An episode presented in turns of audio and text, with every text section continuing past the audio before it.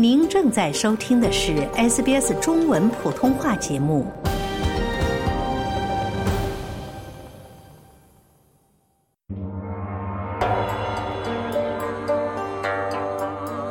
龙，一种来自东方的神秘意象。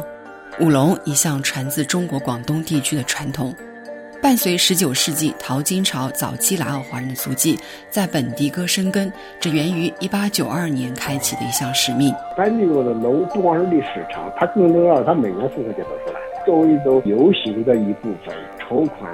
This has been going on for over 140 years. That was the main purpose, that that was the most effective time to bring out the dragon to help get the community together to raise funds. 百余年间，三代游行龙交替，他们是每年复活节慈善游行中的明星，更是本地歌人津津乐道的“我的龙”。他们早已如春雨润物般融于本地歌人的心中。就是当地的宝，每一条龙都是。我是新移民嘛，大金龙是我心中的龙吧。If you hear the sound of those drums, the lion dance, to me that always sounds a sound of home. 那年刚刚好是新龙三龙出来嘛，我看到我说哇，这么大的龙没有看过。My father, he was sort of old Chinese, and he said, "Young man, when you grow up, I want you to look after the Chinese people in Bendigo." 在农历龙年到来之际，走入维州小城本地歌。说龙说年，也说说澳洲这个被我们称为家的地方。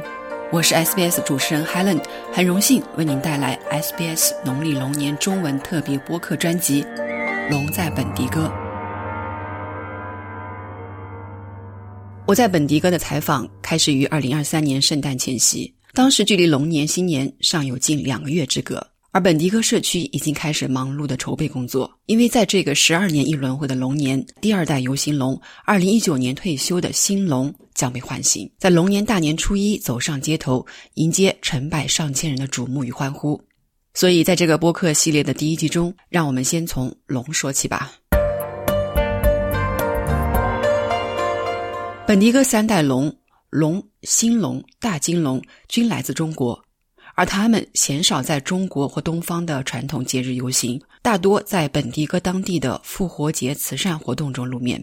本迪哥金龙博物馆的研究员麦丽这样告诉我：“That's his role as I suppose helping。”我想他的职责就是帮助社区为慈善事业筹款。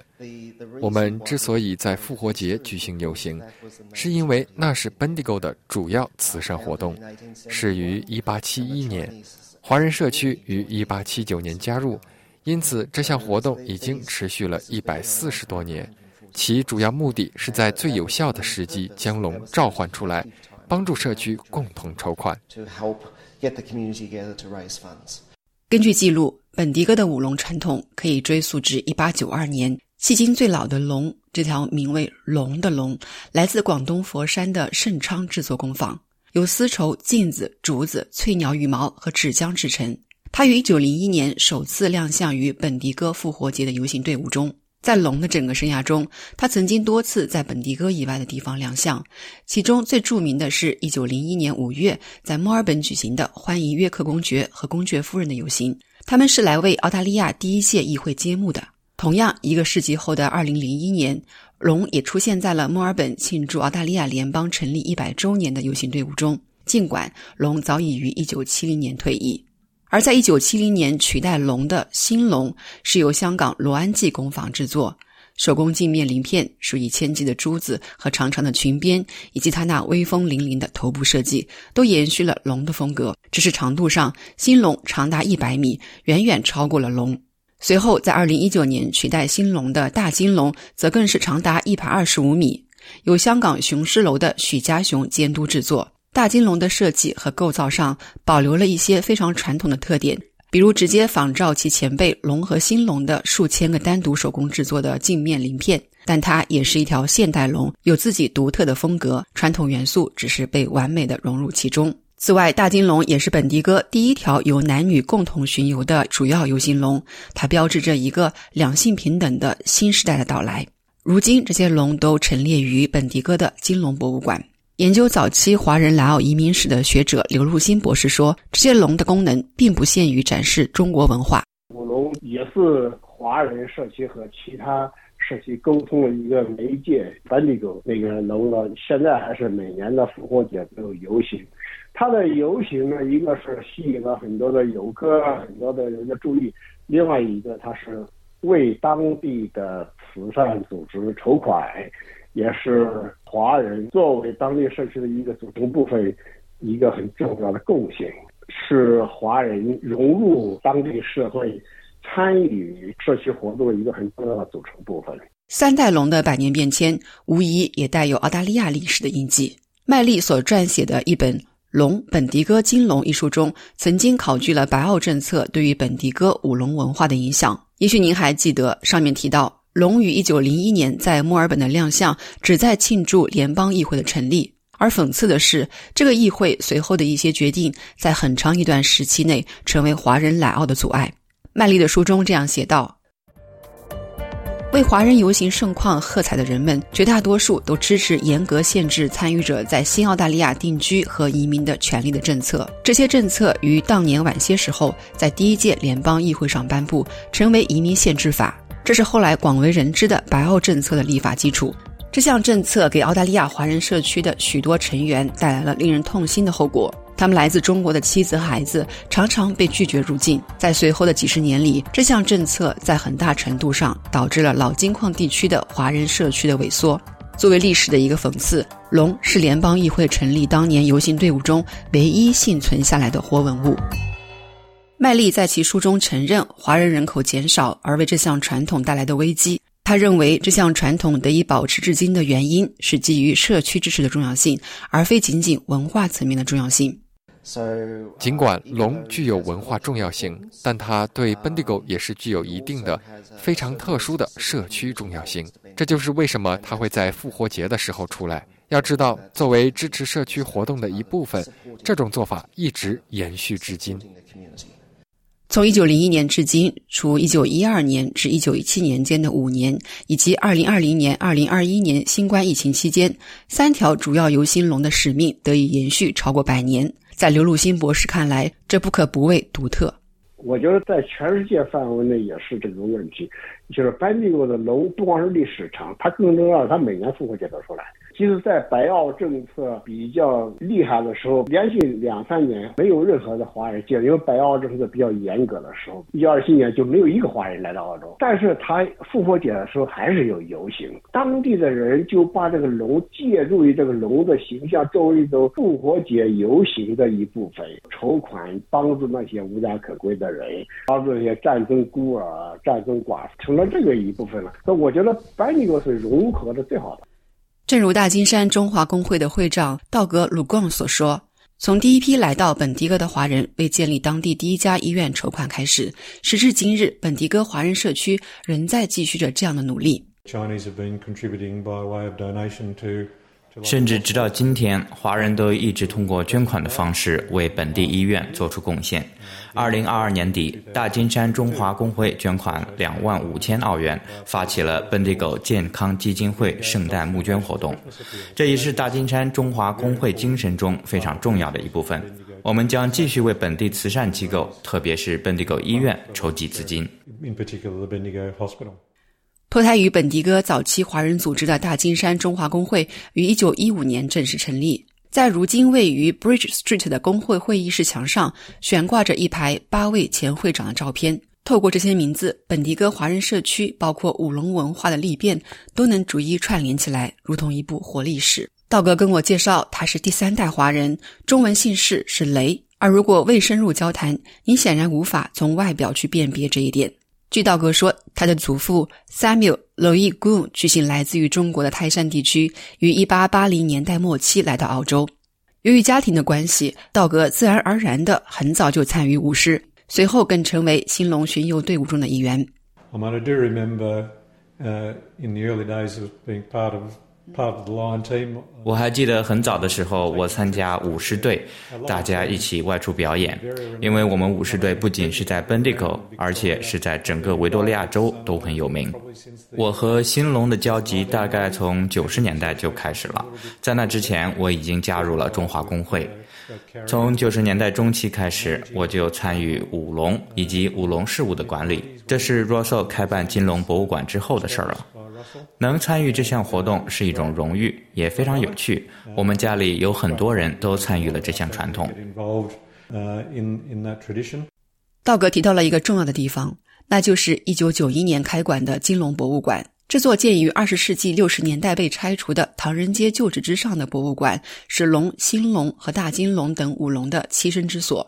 而这得益于道格提到的 Russell，他是上一任的大金山中华工会会长。当年正是在 Russell 的坚持不懈的游说下，博物馆项目于1988年正式启动，而这一年刚好也是农历龙年。采访中，道格带我见到了已近台辈之年的 Russell Jack。这位在本迪哥声望极高的二代华人，一九三五年，Russell Jack 出生于本迪哥的 Long Gully，是出生在台山的移民路易·杰克和他的澳大利亚华裔妻子格拉迪斯·阿尔多尔的儿子。他的父亲用台山方言给他起名 Louis Young Man，中文是雷阳明。But as I was growing up, I got involved in a lot of things. because my father he was sort of 在我成长的过程中，我参与了很多事情，因为我的父亲他是位老派中国人。他说：“杨明，你长大后，我希望你照顾本地哥的华人。”他经常这么说，我无法把他从这里抹去。当我到了十六岁左右的时候，我想我最好做点什么，所以我加入了大金山中华工会。这可能是我这辈子做过最好的一段工作的时光。So I got involved with the, the Bendigo Chinese Association, which was probably the best day's work I've ever done in my life.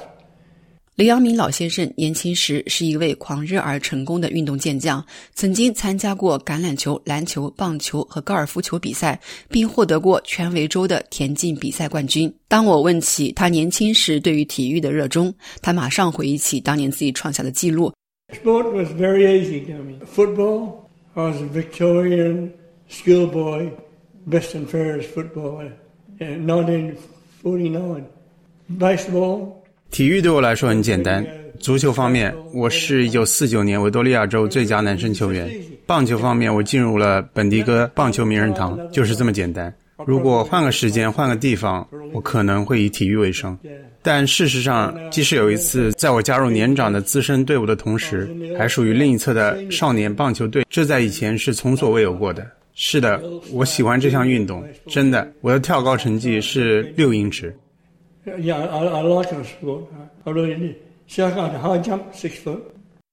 一九四九年，雷阳明入选本迪戈地区学校队，前往墨尔本参加维多利亚州男生嘉年华。在那里，他度过了一段难忘的时光。这位来自 Long Gully 的华裔男孩边锋，在嘉年华上获得了最佳球员奖，甚至领先于那些后来名声大噪的 VFL 传奇人物。一九五三年，年仅十八岁的雷阳明从足坛退役，他的运动天赋被更多的用在了父亲所嘱咐的华人的传统使命之上。在一些年份，他是抬着龙头在游行队伍中接力的雷家五兄弟之一。他在一九八零年开始成为大金山中华工会会长，直至二零一二年建立金龙博物馆，是他三十二年会长生涯中非常浓墨重彩的一笔。雷阳明老先生还向我展示了博物馆中多处的精妙的设计细节，比如数字九在建筑中的运用，比如正对大门的玻璃格栅的数目便是九的倍数。九是一个奇数，很多中国人认为八是个幸运数字，九在这里是个幸运数字，因为它是最大的数字。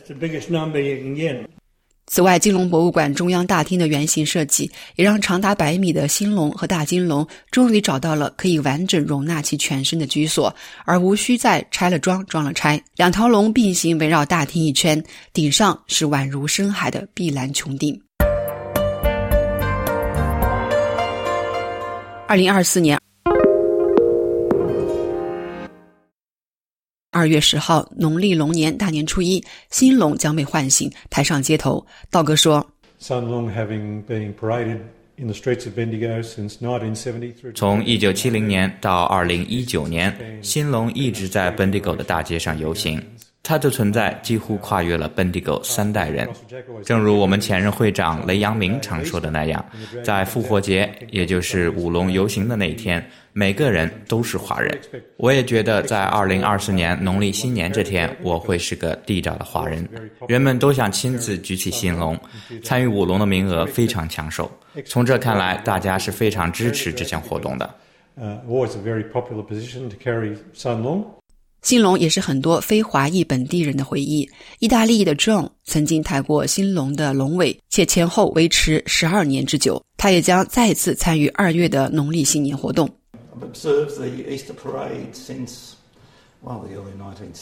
我从二十世纪六十年代初期就开始观察复活节游行。一九七零年推出新龙的时候，我也在现场。